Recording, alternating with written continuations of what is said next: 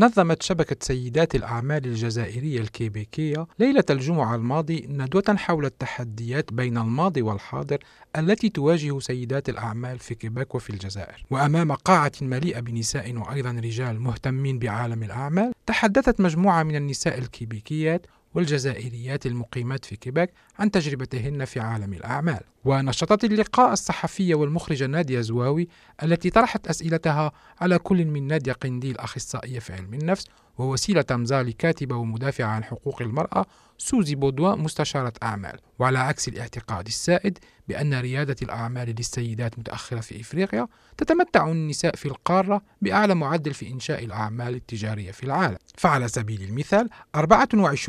من النساء الإفريقيات يطلقن أعمالا تجارية وهي نسبة أعلى من تلك الموجودة في أمريكا اللاتينية ومنطقة البحر الكاريبي وأمريكا الشمالية وأوروبا وآسيا الوسطى أيضا وذلك وفقا لدراسة قامت بها مؤسسة Women in Africa Philanthropy في عام 2018 ومع ذلك ووفقا للدراسة نفسها فهناك فجوة كبيرة بين جنوب الصحراء الإفريقية الكبرى وشمال إفريقيا وهذا بسبب الاختلافات الاجتماعية والاقتصادية والثقافية والدينية. ومن المفارقات أن وضع المرأة الجزائرية في ريادة الأعمال ليس مشجعا للغاية بالرغم من الخطاب الرسمي للسلطات. ووفقا لدراسة لسجل التجارة في الجزائر لعام 2017 فإن نسبة النساء المسجلات كصاحب عمل أي أشخاص قانونيين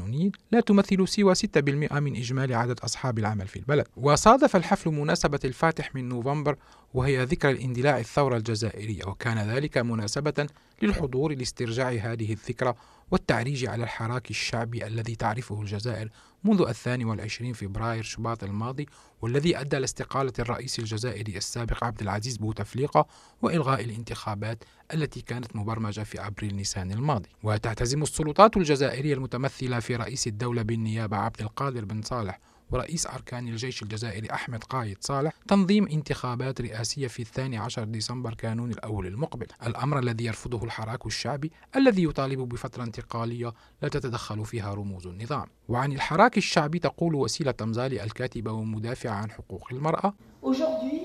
dans cette révolution-là, les femmes sont prêtes à faire un cadeau à la révolution. Ce cadeau, c'est de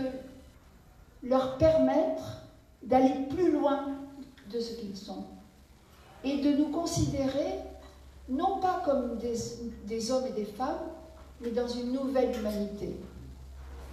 d'accéder à l'humanité. في هذه الثورة أي في الجزائر المرأة مستعدة لتقديم هدية للثورة هذه الهدية هي السماح للثوار بالمضي قدما أكثر مما وصلوا إليه وهو أن نعتبر أنفسنا ليس فقط نساء ورجال بل بشر يدخلون إنسانية جديدة وفق وسيلة تمزالي ولأول مرة تحدثت بصورة علنية المجاهدة الجزائرية فريدة سمرون التي يقيم بعض أعضاء عائلتها بين كندا والجزائر. وشاركت المجاهدة في ثورة التحرير بمساعدة الثوار في الجزائر العاصمة وبحكم عملها في الإدارة الفرنسية إبان الثورة كانت تعد وثائق هوية مزورة للثوار قبل أن يتم كشفها وإلقاء القبض عليها وعن الحراك الشعبي في الجزائر تقول فريدة سمرون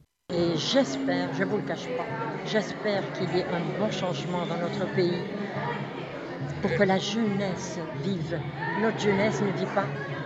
en Algérie. Vous imaginez tous les gens qui sont sans travail. Quand je pense à un jeune, quand, quand Bouteflika a pris le pouvoir, avait 20 ans, 20 ans après, sans travail, sans femme, sans enfant, أتمنى أن يكون هناك تغيير في بلدنا كي يتمكن الشباب من العيش شبابنا لا يعيش هل تتخيل كل الناس الذين هم بدون عمل؟ عندما أفكر في شاب كان في العشرين من عمره عندما تولى بوتفليقة السلطة وبعد عشرين سنة باق بدون عمل ولا زوجة ولا أطفال.